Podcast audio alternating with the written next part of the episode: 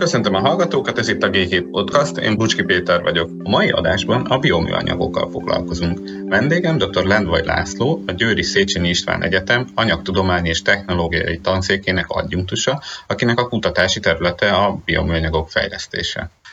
Tehát ugye a megjelent cikkben arra kerestétek a megoldást, hogy az építőipar számára nehézséget okozó márványporral mit lehet kezdeni, és ebből hogyan lehet bioműanyagot gyártani. Amikor megnéztem azt, hogy mennyi műanyagot termel az emberiség, akkor eléggé megdöbbentem, hogy a 2000-ben még 3,4 milliárd tonna, az már 2015-ben 7,8 milliárd tonnára nőtt, és valamelyest azért nő az újrafelhasználás, de hát ez még mindig csak a kisebb része, és ugyanakkor a bioműanyagok is csak elég kis részét teszik ki ennek. És ennek kapcsán nagyon érdekelne, hogy ez a bioműanyagokkal való foglalkozás, ez miért lett ennyire fontos, hogy itt tulajdonképpen arról van szó, hogy a egyre növekvő kereslet miatt kell új alapanyagot nézni, és hogy a, a kőolaj az már nem lesz elegendő, vagy ennek nő az ára, vagy itt azért inkább a környezetvédelmi aspektusok játszanak nagyobb szerepet ebben, hogy egyre nagyobb az érdeklődés a téma iránt. De akkor először a, a legelső felvetésedre reflektálnék, mi szerint valóban a műanyagfogyasztás világszerte egyre nagyobb, Említettél konkrét számokat is 2000-ben, ugye ez a 3,4 milliárd tonna, illetve 2015-ben ez már 7,8 milliárd tonna volt. Ezt látni kell, hogy ezek a számok, amiket itt említettél, ezek globális teljes termelési értékek, tehát nem éves termelésről van szó, hanem ez a teljes termelése. A műanyagoknak éves szinten ez valójában 300-400 millió tonna környékén mozog ez pillanatban, és hát valóban ez folyamatosan és dinamikusan fejlődik. Most az, hogy itt 15 év alatt ez a, ez a szám, ez gyakorlatilag majdnem, hogy sőt, több mint megduplázódott, e, ez betudható annak, hogy a műanyagok, mint műszaki anyagok igazából egy viszonylag friss, újnak tekintető anyagcsalád, amely a, a, a 20. század első felében kezdett csak el elterjedni. Tehát ellentétben a, a, akár a fémekkel, akár a, a kerámiákkal, amikkel már évszázadok, sőt adott esetben akár évezredek óta foglalkozik az emberiség, a műanyagok megjelenése az egy körülbelül egy száz évvel ezelőttre tehető, és pontosan emiatt, mivel a műanyagokat még manapság is mondhatjuk azt, hogy, hogy, hogy vegyészek mind a mai napig szintetizálnak új műanyagokat, egyre több alkalmazási területre tudnak új alternatívákat biztosítani a korábban használt anyagokhoz képest, így gyakorlatilag még a, a terjeszkedés fázisában vannak, tehát valóban ez a, ez a növekedés nagyon impozánsnak és exponenciálisnak tűnhet, de gyakorlatilag ez olyan tekintetben indokolt, hogy még nem ért el a, azt a potenciát, ami benne van ebben az anyagcsaládban. Értem. És uh, ugye, hogyha ilyen újrafelhasználási um, arányokat nézünk, akkor viszont az látszik, hogy ez tényleg növekszik, tehát egyre nagyobb a, a, az, amit szelektáltan gyűjtünk, annak egy részének az újrafelhasználás ugye az, hogy elégetik, tehát végül is úgy is tekinthetünk rá, hogy üzemanyagként hasznosul, és amit anyagában újra hasznosítanak, az viszont még továbbra is elég alacsony. Ez azért van, mert a manapság használt műanyagok erre nem annyira alkalmasak, vagy azért, mert nem megfelelően gyűjtjük őket? Itt számos okozatot lehet erre a, erre a kérdésre találni. Én azt gondolom, hogy első körben mindig azt kell tisztázni, és ezt ahogy, ahogy jól értem, már te is valamennyire körüljártad, hogy maga az újrafelhasználás, újrahasznosítás tekintetében azért számos különböző megoldást ismerünk, és itt azért a definíciókat jó elkülöníteni egymástól. Ugye az ideális az mindig, mindig az lenne, vagy az volna, hogyha az úgynevezett újrafelhasználást tudnánk alkalmazni, ami azt jelenti, hogy adott nekünk egy műanyag termékünk, és ezt a műanyag terméket azonos funkcióra többször, több alkalommal fel tudjuk használni, még mielőtt ebből hulladék keletkezne. Tehát egy nagyobb példa erre például a, a, a betétdíjas műanyag üvegek, amiket újra, tud, újra tudnak tölteni, és ezáltal az adott funkciót többszörösen be tudják tölteni, még mielőtt a, az életciklusuknak a végére érnek. Tehát ez az ideális eset. Most ennél egy, egy, egy fokkal hátrányosabb az, hogyha újra hasznosítjuk anyagában az anyagot, tehát fogjuk a hulladék műanyag termékünket, és ennek az anyagából egy új, azonos anyagból készült terméket készítünk, aminek a funkciója, hogy a, a műanyagok újrahasznosítása során akárhányszor újrahasznosítunk egy műanyagot, annak a tulajdonságai mindig romlanak. Tehát soha nem fogunk tudni mondjuk azonos műanyagból kétszer, háromszor, négyszer, ötször egymás után azonos minőségű terméket gyártani, Éppen emiatt, hogyha nekünk azonos minőségű termékre van szükségünk, akkor nem feltétlenül szokás az, hogy csak és kizárólag újrahasznosított anyaggal dolgozzanak, hanem az újrahasznosított alapanyagot csak bizonyos százalékban adagolják az elsődleges nyersanyaghoz. És ugye említetted egy, egy másik megoldás a, a hulladék kezelésére, az energetikai hasznosítás, tehát az, hogyha, hogyha elégetik a, a műanyagot, ez is egy potenciális megoldás, hogy mivel jellemzően kőolajipari erőforrásokból készülnek manapság a műanyagok, így a, az égésnek a az energia nyeresége is viszonylag nagy, tehát ilyen tekintetben valóban ez az égetés is egy nagyon jó alternatíva, alternatíva lehet arra, hogy milyen módon használjuk a, a, a műanyag hulladékot. Amiért ez, a, ez, a, ez az égetés, illetve az egyéb újrahasznosítás, újrahasználat, újrahasznosítás, illetve égetés sem annyira mondjuk azt, hogy elterjedt, különösen itt nálunk Magyarországon, mint a legrosszabb alternatíva a lerakás, az egész egyszerűen a költségvonzata ennek a dolognak tehát ha csak a, a lerakást, illetve az égetést hasonlítom össze, akkor a kettőnek a költségvonzatában kb. egy kétszeres szorzót lehet tenni. Ez azt jelenti, hogy, hogy hiába van energia nyeresége annak, hogy elégetjük a, a, a műanyag hulladékot, maga a szükséges logisztikai, illetve infrastruktúrális feltételek, valamilyen egyéb költségek kb. egy kétszeres árszorzót tesznek rá erre a folyamatra, ahhoz képest, mint hogy egész egyszerűen leraknánk valahova egy, egy hulladék telepre. Hát ebben kapcsán ugye az is érdekes lesz, hogy a műanyagoknak az alapanyaga azért szinte kizárólag manapság a kőolaj, és egy kicsit jön föl a földgáz, és hogy ugye azért azt hosszú távon sejthetjük, hogy a kőolaj az elfogyóban van, földgáz az még ugyan lesz sokáig, de azért az mégiscsak egy más alapanyag, tehát lehet valószínűsíthetően drágábban lehet abból gyártani, tehát átalakíthatja ez a műanyagoknak a piacát abban, hogy milyen típusú műanyagokat használunk, és milyen nyersanyagokból? Ugye a nyersanyagok, ahogy, ahogy említetted is, alapvetően jelen pillanatban kőolaj származékok, tehát kőolaj, illetve, illetve a földgáz az, amiből ilyen jellegű anyagokat elő tudunk állítani. Hogy pontosan miért ezeket használjuk, és mondjuk miért nem térünk át olyan alternatív megoldásokra, mint a növényi alapanyagok, erre, erre különböző indokokat lehet felsorolni. Ugye nagyon sokan próbálkoznak ezt a dolgot azzal ideologizálni, hogy a kőolajipari vállalatok, illetve az érintett országoknak a lobbia az, ami nagyon erős, és ami nem engedi azt, hogy ez a, ez a műanyag termelés gyakorlatilag átkerüljön a növényi alapanyagoknak a, az irányába. Itt valójában arról van szó elsősorban inkább, hogy a kőolajból történő előállítása a műanyagoknak ez jelen pillanatban sokkal olcsóbb, mint hogyha növényi alapanyagból próbálnánk meg őket szintetizálni illetve egy másik ö, magyarázat, ugye sokan kritikaként fogalmazzák, hogy miért használunk nem megújuló erőforrásokat, tehát miért használunk kőolajipari alapanyagokat, hogyha képesek lennénk ezt növényi eredetű alapanyagokból is megtenni. Másik oldalról viszont, hogyha ez tényleg megvalósulna, és tényleg nagyon nagy mennyiségben állítanánk elő a, a műanyagokat növényi eredetű erőforrásokból, akkor viszont jönne a másik oldali kritika, ami már jelenleg is egyébként létezik, mi szerint miért használjuk műanyag előállítására azokat az alapanyagokat, amelyeket egyébként étkezésre is használhatnánk, amikor nagyon sok országban pillanatnyilag éhezés van. Tehát ilyen tekintetben igenis jogos kritika a másik oldal is, miért használjunk olyan alapanyagokat, mint a búza, kukorica, vagy esetleg a cukorrépa a műanyagok előállítására, hogyha ezeket egyébként olyan területekre is fordíthatnánk, ahol adott esetben nagyobb szükség van erre. Tehát lehet belőlük előállítani műanyagot, a, a, ment a növényi alternatív alapanyagokból is lehet műanyagot előállítani, viszont nagyon sok más kérdéskört is meg kell vizsgálni, ami első körben nem mindig jut minden embernek az eszébe. Ennek kapcsán még szerintem azt érdemes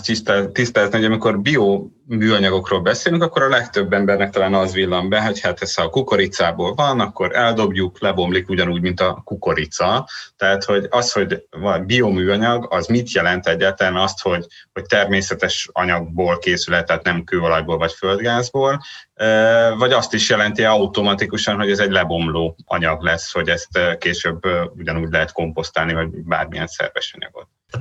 Bioműanyagnak tekintjük azokat a műanyagokat is, amelyek megújuló előforrásból származnak, viszont biológiai úton nem bonthatóak le, és ugyanúgy bioműanyagnak tekintjük azokat a biológiai úton lebontható anyagokat is, amelyek nem megújuló erőforrásból származnak, hanem adott esetben kőolajipari alapanyagokból. És mondom, meg között a két feltétel között egy és vagy ö, kapcsolat van. Tehát, hogyha az adott műanyag az egyik feltételt a kettőből teljesíti, akkor azt már bioműanyagnak nevezzük. Nyilván a legelőnyösebb az az, hogyha mind a két feltétel egyszerre teljesül. És melyiket nehezebb teljesíteni? Melyiket nehezebb teljesíteni? Erre nincs egyértelmű válasz. Azzal kapcsolatban lehet esetleg iránymutatást kapni, hogy melyik az, amelyikből jelen pillanatban nagyobb mennyiséget vagyunk képesek előállítani, vagy milyen költséggel tudjuk ezeket az alapanyagokat előállítani. Ugye most nagyjából jelen, jelen pillanatban az a helyzet, hogy a kettőnek az aránya az nagyjából, nagyjából hasonló, tehát nagyjából azonos mennyiségben tudjuk ezt a két típust előállítani, illetve vannak köztes műanyagok, amelyek ugye mind a két feltételt teljesíteni tudják. Most önmagában véve egyikre se, egyikre se lehet azt mondani, hogy rossz vagy felesleges. Nagyon sokan, hogyha azt hallják, hogy biopet, vagy biopp, vagy biopolietilén, illetve más hasonló műanyagok, amelyek ugye kőolajipari alapanyagból is előállíthatóak, akkor megkérdőjelezik azt, hogy mi értelme van annak, hogy megújuló erőforrás, tehát növényi részeket használjunk arra, hogy olyan műanyagokat tudjunk előállítani, amit egyébként a töredék költségéért kőolaj, kőolajipari alapanyagból is megtehetnénk. Hát ahhoz, hogy ennek a, ennek a, ennek a pozitívumait definiálni tudjuk, mindenképpen el kell választanunk egymástól két különböző dolgot, ez pedig a környezettudatosság tekintetében az egyik az a karbonsemlegesség, a másik az pedig a hulladékkezelés. Ugye, hogyha a hulladékkezelésről beszélünk, akkor nyilvánvalóan azok a műanyagok, amiket az előbb felsoroltam, tehát biopet, biopolipropilén és a többi, amelyek nem bomlanak el biológiai úton, ezek nem tekinthetők előnyösnek, hiszen a hulladék problémát nem oldották meg. Viszont van egy másik aspektus, ez pedig, ahogy mondtam, ez a karbonsemlegesség, amilyen tekintetben viszont ezek kifejezetten előnyösek tudnak lenni. Ugye miért is? Amikor kőolajipari alapanyagból állítunk elő egy műanyagot, akkor gyakorlatilag az történik, hogy a földmélyéről felhozott, megkötött szénalapú erőforrásokat bejuttatjuk a körforgásba, tehát alpanyagot gyártunk belőle, adott esetben elégetjük, annak lesz egy CO2 kibocs, széndiokszid kibocsátása, ami pedig aztán ugye a klíma károsításáért is felelőssé tehető, tehát alapvetően karbonsemlegesség irányától nagyon messze vagyunk ebben a tekintetben. Hogyha viszont képesek vagyunk növényekből létrehozni ezeket a műanyagokat, akkor gyakorlatilag azt a karbont használtuk fel a műanyag létrehozására, amit egyébként a növények kivontak a levegőből, és miután ezeket a műanyagokat használtuk, és adott esetben mondjuk elégetjük, akkor a növények ugyanazt a karbont fogják felvenni, amiből mi csináltuk a műanyagunkat, tehát gyakorlatilag a karbon semlegesség az ebben az esetben megvalósul. Az egy másik kérdéskör, hogy a hulladékkezeléssel kell valamit kezdeni, tehát hogy ezek a műanyagok ugye nem bomlanak le belátható időn belül, és pont emiatt a, a keletkező hulladék az kifejezetten nagy környezeti problémákat tud megint csak okozni. Gondolom, itt azért az is nehézség, hogy nem lehet csak ezt nézni, hogy mennyi az alapanyag, és abból mennyi karbon lesz, mert az sem mindegy, hogy az előállításhoz mennyi energia kell. A bioműanyagoknak az előállítása amellett, hogy drágább, ebbe az is szerepet játszik, hogy esetleg e, nagyobb energiabefektetés szükséges hozzá, ami az, ugye adott esetben szintén karbonkibocsátással jár. Nyilvánvalóan a, a, a gyártás is jár karbonkibocsátással, tehát teljes karbonsemlegességről egyik esetben sem tudunk beszélni, viszont ö, nagyságrendekkel jobb a helyzet akkor, hogyha, hogyha megújuló erőforrásból tudunk dolgozni. Tehát ilyen tekintetben valóban soha nem fogjuk elérni azt, hogy, hogy, hogy egyáltalán ne legyen karbonkibocsátása ennek az egész folyamatnak. Ha nagyobb képet nézzük,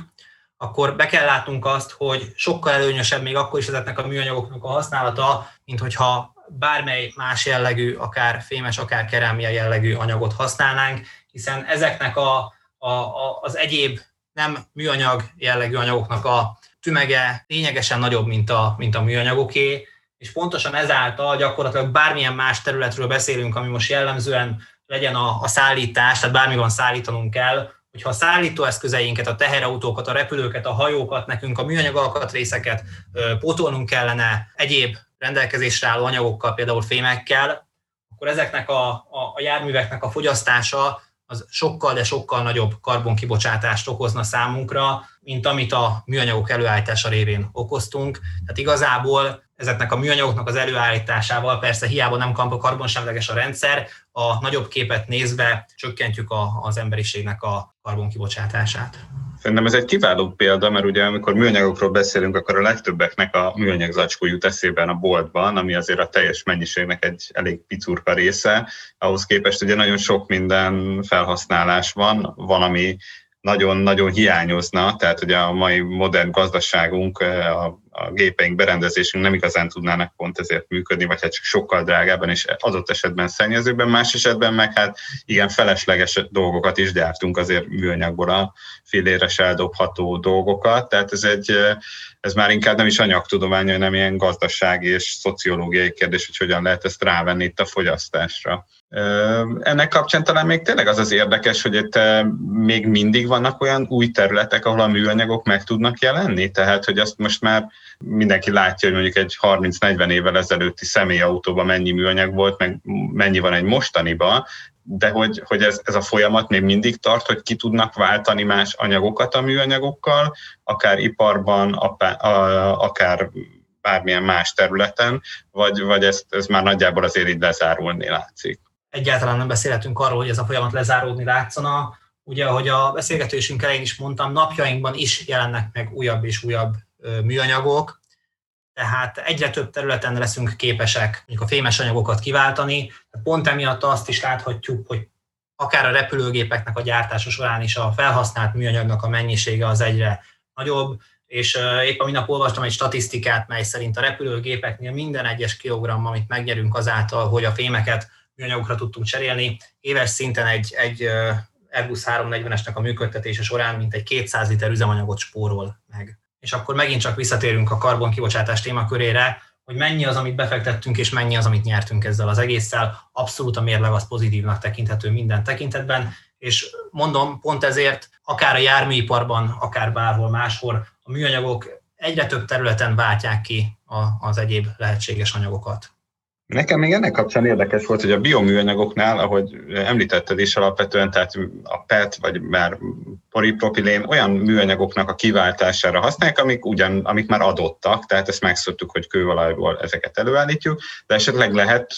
új lehetőség, vagy vannak e, ez ügyben érdekes kutatások, amik arról szólnak, hogy, hogy a növényi alapú műanyagok valami új típusú anyagokat tudnak eredményezni? Több olyan növényi eredetű műanyag megjelent az utóbbi időben, amelyek amellett, hogy, hogy megújuló erőforrásból származnak, rendelkeznek azzal az előnnyel, hogy egyidejűleg biológiai úton ö, lebonthatóak. Ez különösen akkor lehet előnyös, amikor olyan termékekről beszélünk, amelyek viszonylag rövid életciklusúak, tehát csomagolóanyagok például, vagy egyszerhasználatos evőeszközök. Kifejezetten ezek azok a, a, a műanyagok, illetve a műanyag termékek, amelyek a jelenleg keletkező műanyag hulladéknak a nagyon nagy hányadáért felelősek, tehát igazából ez az a terület, amiben mindenképpen kezdenünk el valamit,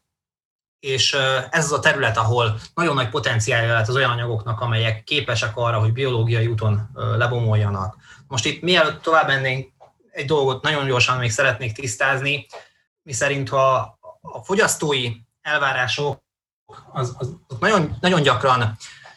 önellentmondásosak. Ugye a fogyasztó az azt szeretné látni, és, és, és ezt a gyártók is látják, és pont emiatt egyre több terméket próbálnak meg olyan termékből gyártani, amelyek biológiai úton lebonthatóak, hogy valamilyen szinten tenni tud a környezetéért, a környezet tudatosság jegyében tud cselekedni, és a felhasználó jobban örül, hogyha olyan terméket vásárolhat, amire rá van írva, hogy lebomló. És ez a lebomló kifejezés ez nagyon sok esetben ö, megtévesztő lehet, ugyanis itt nem arról van szó, hogy az alapanyagot használjuk arra, hogy egy terméket előállítsunk, a termék betölti a hasznos életfunkcióját, és aztán pedig lebomlik. Ez az, amit a felhasználó szeretne egyébként, hanem a gyakorlatban ez úgy néz ki, hogy az alapanyag, illetve a belőle gyártott termék a hasznos életciklusát követően lebontható, és ez a lebontható dolgon van a hangsúly. De alapvetően ezek a bioműanyagok, amiket vásárolunk, és a, a nem tudom, zacskók például, amiket rá van vagy lebomlóak, ezek a valóságban nem lebomló anyagok, hanem lebontható anyagok, Mindazonáltal nem tehetjük velük meg azt, hogy egész egyszerűen eldobjuk, vagy elássuk, és, és azt reméljük, hogy ez egyszer csak akkor meg fog szűnni létezni a föld alatt, és ártatlan, ártalmatlan anyagok fognak belőle keletkezni, hanem ezeket igenis kezelni kell. És nagyon-nagyon szomorú sajnos, hogy erre nagyon kevesen hívják fel a figyelmet. Ez valamilyen, valamilyen tekintetben természetesen érthető, hiszen nyilvánvalóan jobban eladható válik egy termék azáltal, hogy az ember azt mondja rá, hogy lebomló, és leveszi azt, terhe, azt a terhet a, a, a felhasználó részéről, hogy ezzel a későbbiekben még valamit kezdeni is kell ahhoz, hogy ez a valóságban lebomoljon. Ezek a biológiai úton lebomló vagy lebontható műanyagok, használjuk inkább ezt a kifejezést, ezek jellemzően csak komposztálás útján fognak lebomlani, ami nem egy rossz dolog. Nem egy rossz dolog azért, mert képzeljük el, mi lenne, hogyha valóságban lebomló anyagokat használnánk, egyébként léteznek ilyenek, nem tudnánk szabályozni azt, hogy mikor bomoljanak le. Tehát nem, nem lehet arról beszélni, hogy én fogok egy lebomló anyagot, aminek ö, teszem azt két hét a lebomlás ideje, készítek ebből egy műanyag poharat, kiteszem a, a boltoknak a polcára, a felhasználó megveszi 12 nap után, és elkezdi használni, és egyik nap azt tapasztalja, hogy vissza belőle a vizet, és az alján folyik ki, mert az anyag elbomlott. Tehát ez nyilvánvalóan egy nagyon irrealisztikus elképzelés, és ezért mondtam azt, hogy, hogy önellentmondásosak az elvárások, hiszen a felhasználó azt várja, hogy egy lebomló műanyagot kapjon a pénzért, viszont hogyha tényleg megkapná a terméket lebomló műanyagból készítve, akkor ő maga is meglepődne, hogy maga a termék, amit vásárolt, tehát hogy még azt a funkciót se tudná betölteni, amiért ő azt megvásárolta. Tehát az irány az mindenképpen az lenne a cél, hogy lebontható műanyagokkal dolgozunk, ez egyébként a legtöbb lebomlónak műanyaga, amit ahogy mondtam, gyakorlatilag ezzel a tulajdonsággal rendelkezik is. A probléma az, hogy ezt a lebontás folyamatát manapság még nagyon ritka az, hogy megvalósítjuk. Tehát gyakorlatilag ezek a lebontható műanyag termékek hulladékkezelés tekintetében ugyanolyan problémát okoznak, ha nem nagyobbat, mint a egyébként kőolajipari származékból készült egyéb hagyományos műanyagok. Hát igen, itt még talán azt lehet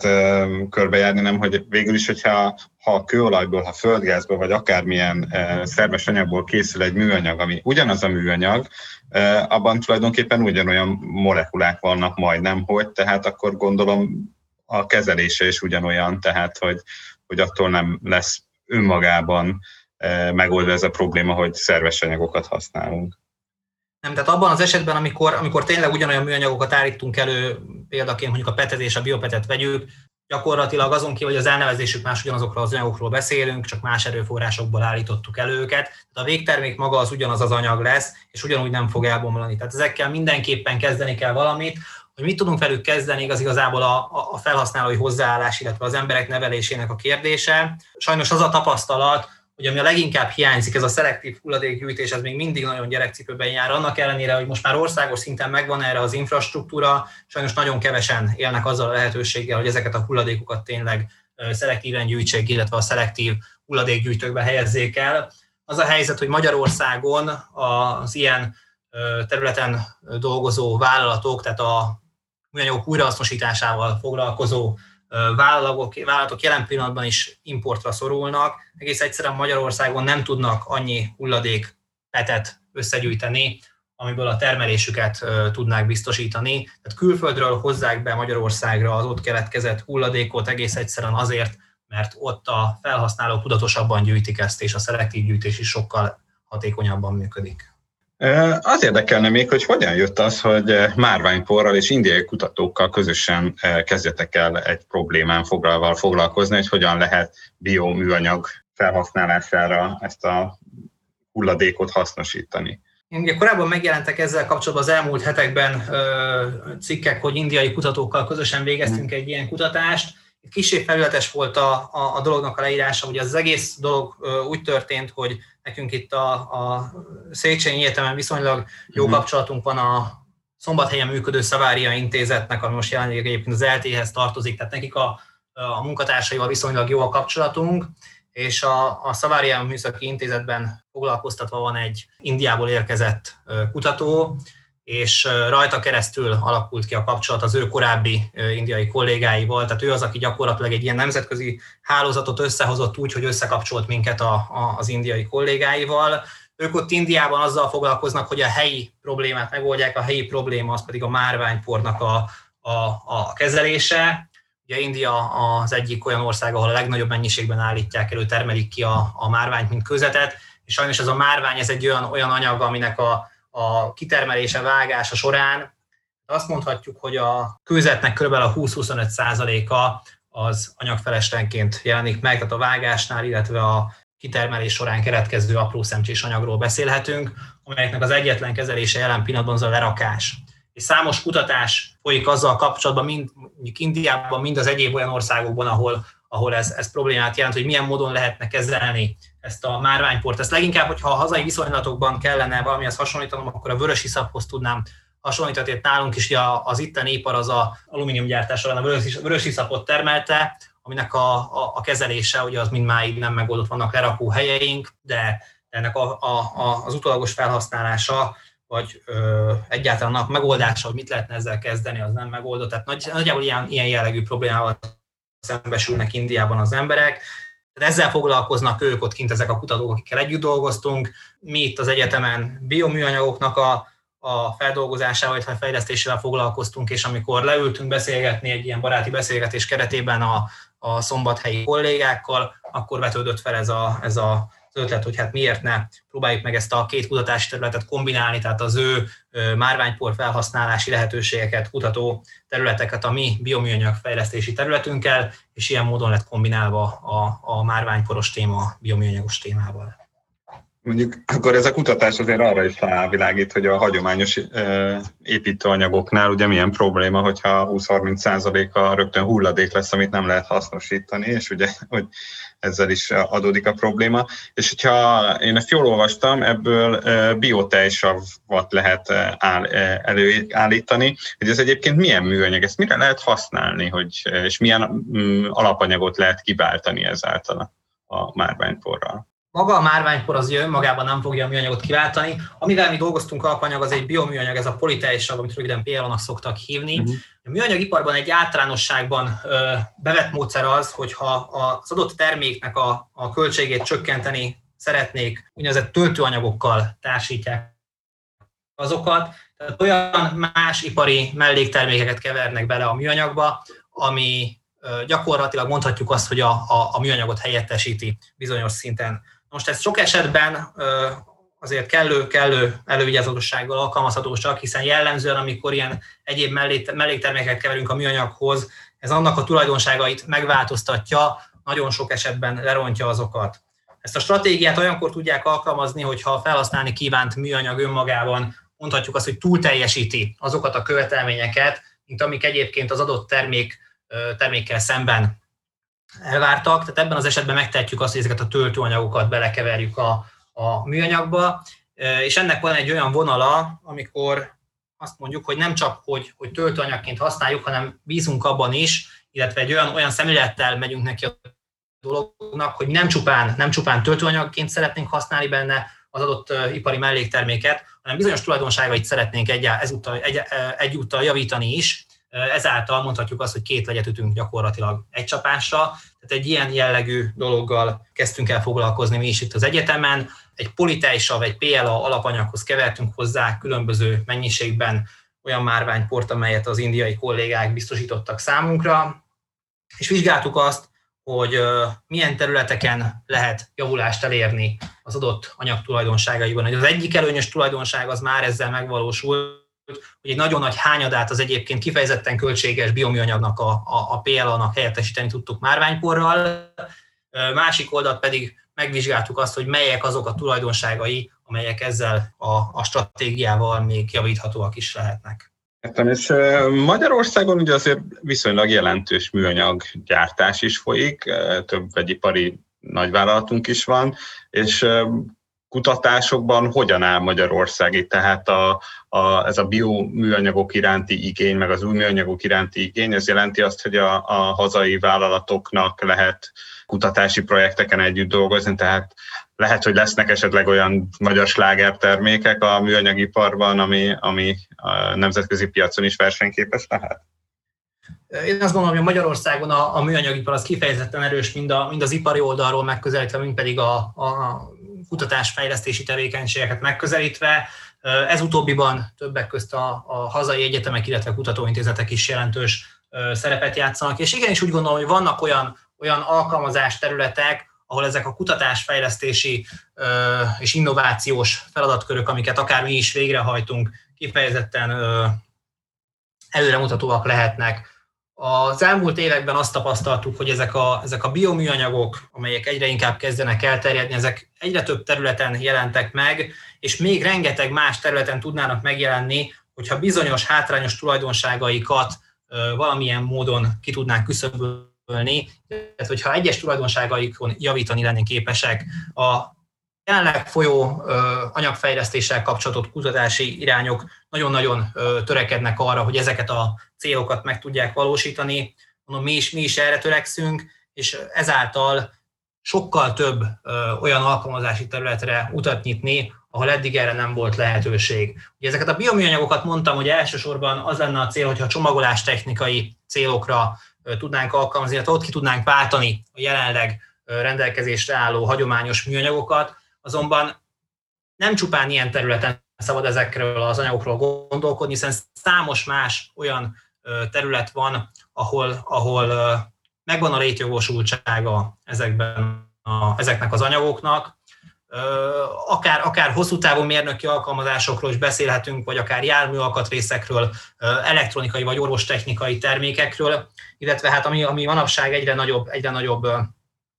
népszerűséget kap ez a 3D nyomtatásnak a területe. A 3D nyomtatás is azt veszük észre, hogy egyre inkább kezd elterjedni világszerte, és nem is annyira feltétlenül már az ipari területen, hanem egyre inkább a, egyre inkább a háztartásokban is jelen vannak ezek a 3D nyomtatók, hiszen a berendezéseknek a költsége gyakorlatilag annyira, annyira alacsony most már, hogy, hogy aki tényleg ezzel szeretne foglalkozni, akár, akár hobbi szinten, akár valamilyen professzionális feladattal kapcsolatban, nyugodtan megteheti. És a három nyomtatásnak is meglepő módon a Polite és a, a PL az egyik alapanyaga, és hát itt is ugye elsősorban a, a cél az az, hogy minél több alkalmazási területre lehessen ezt a 3D nyomtatási technológiát alkalmazni, és ehhez is cél az persze, hogy olyan anyagfejlesztési feladatokat végezzünk el, amelyek megoldják azt a problémát, hogy ezeket a bioműanyagokat különböző termékek 3D nyomtatásához alkalmazni tudjuk. Konkrétan mi is egyébként ezzel foglalkozunk, tehát ez a, ez a márványporos témakör, ez igazából most csak egy olyan tekintetben mellékvágánynak volt tekinthető nálunk, hogy ez egy ilyen közös projektként jött, tehát ez kifejezetten most csak a, a, a indiai kollégákkal kapcsolatos együttműködés se véget vizsgáltuk, viszont mi alapvetően 3D nyomtatható bioműanyagoknak a fejlesztésével foglalkozunk, és egyébként itt is egy további irány lesz ezzel a márványporos bioműanyagos témával kapcsolatban az, hogy megvizsgáljuk ennek az alapanyagnak a 3D nyomtathatóságát, ami egyébként jelen pillanatban bizakodásra ad okot. Még itt nagyon érdekes lehet, hogy azért itt a szabályozás nagyon sokat befolyásol azon, hogy, hogy milyen felhasználásra milyen anyagot éri meg használni. Itt egyrészt ugye a bioműanyagoknak is teljesíteni kell olyan biztonsági, meg környezetvédelmi, meg mindenféle előírást, amit már a meglévő anyagokkal ugye valószínűleg könnyebb. Másrészt viszont ugye, hogy azért az is látszik, hogy egyre inkább Európában törekvés van arra, hogy bioműanyagokat használjanak több felhasználási területen. És akkor itt ez a 3D nyomtatás egy kicsit ebből mennyire esik ki? Tehát, hogy ez ugye nem egy, alapvetően nem egy ipari felhasználás, kinek az érdeke lehet az, hogy, hogy itt a bioműanyagok nagyobb szerepet kapjon. Ezt a, a 3D nyomtató gyártók, vagy a felhasználók igényei, vagy ki tudja ezt befolyásolni, tehát kivel érdemes itt együttműködni alapvetően. Itt ebből a kérdésből hirtelen elég sok témát érintettünk, megpróbálok mindenre válaszolni. Indulnék egyből a végéről hogy miért használnak bioműanyagot a 3D nyomtatáshoz. Nem is feltétlenül a bioműanyagon van itt a hangsúly, hanem a politájsavon. A politájsavnak nagyon sok olyan tulajdonsága van, ami a gyártás technológiai szempontból a 3D nyomtatásra kifejezetten alkalmassá teszi. Tehát itt nincsen semmilyen, semmilyen olyan indoka ennek a dolognak, ami az annak a bio mi voltára lenne visszavezethető, amellett persze, hogy a, a, a 3D nyomtató alapanyaggyártók erőszeretettel hangsúlyozzák ki a termékeiken, hogy bioműanyagokról beszélhetünk, és hogy ezáltal mennyivel előnyösebb ez az anyag, de igazából nem ez a, nem ez a fő olyan sajátossága, amely miatt erre a területre használjuk, hanem egész egyszerűen azért, mert olyan tulajdonságokkal rendelkezik, amely magára a gyártás technológiára kifejezetten alkalmassá teszi ezt a politikai avat. Tehát itt inkább ezen van a hangsúly. Gyors belekérdezésem lenne, hogy mi volt még a kérdés, hogy mi ja, igen, hogy itt a szabályozás mennyire befolyásolja ezeket az igényeket, mert csak hogy ha ugye nem csak azon múlik, hogy előírják el bioműanyagot, hanem van egy csomó olyan előírás, hogy mondjuk mit használhatok csomagolásra, minek kell megfelelnie. Ezek azért is sokszor ilyen drága certifikációk, tehát hogy ez, ez mennyire működik itt ebbe a kérdésbe, vagy mennyire jön be, vagy, vagy hogyha csinálok egy olyan vagy kicsit másmilyen bioműanyagot csinálok, akkor ez nem olyan nagy gond, de még. Jó. Hát a szabályozásokkal kapcsolatban pedig valóban, ahogy, ahogy említetted, léteznek ilyen EU-s certifikációk és egyéb tanúsítványok, amelyek biztosítják azt, hogy adott területre csak arra megfelelő alapanyagokat használjanak. Ezt ebben az esetben azt tudom mondani, hogy minden egyes ilyen új fejlesztés anyagra külön-külön meg kell szerezni, tehát nincs arról szó, hogy ha én, ha én előállítok egy új anyagkeveréket, akkor azt egyből tudnám bármilyen területre alkalmazni. Tudom olyan területeken alkalmazni, ahol nincsenek ilyen jellegű előírások, de ahol már megvannak ezek a feltételek, amelyekkel alkalmazni lehet, ott ezeknek a feltételeknek meg is kell felelni, és ezt, ezt külön kivizsgáltatni, még mielőtt ezekre az alkalmazás területekre használni lehetne az adott anyagot. Hát nagyon reméljük, hogy akkor 3D nyomtatókban olyan műanyagokat, meg bioműanyagokat tudunk használni, amikben magyar kutatók is részt vettek a fejlesztésében. Én nagyon köszönöm mai vendégünknek, Lendvai Lászlónak. Nagyon szépen köszönöm a lehetőséget akkor erre a beszélgetésre, és viszontlátásra.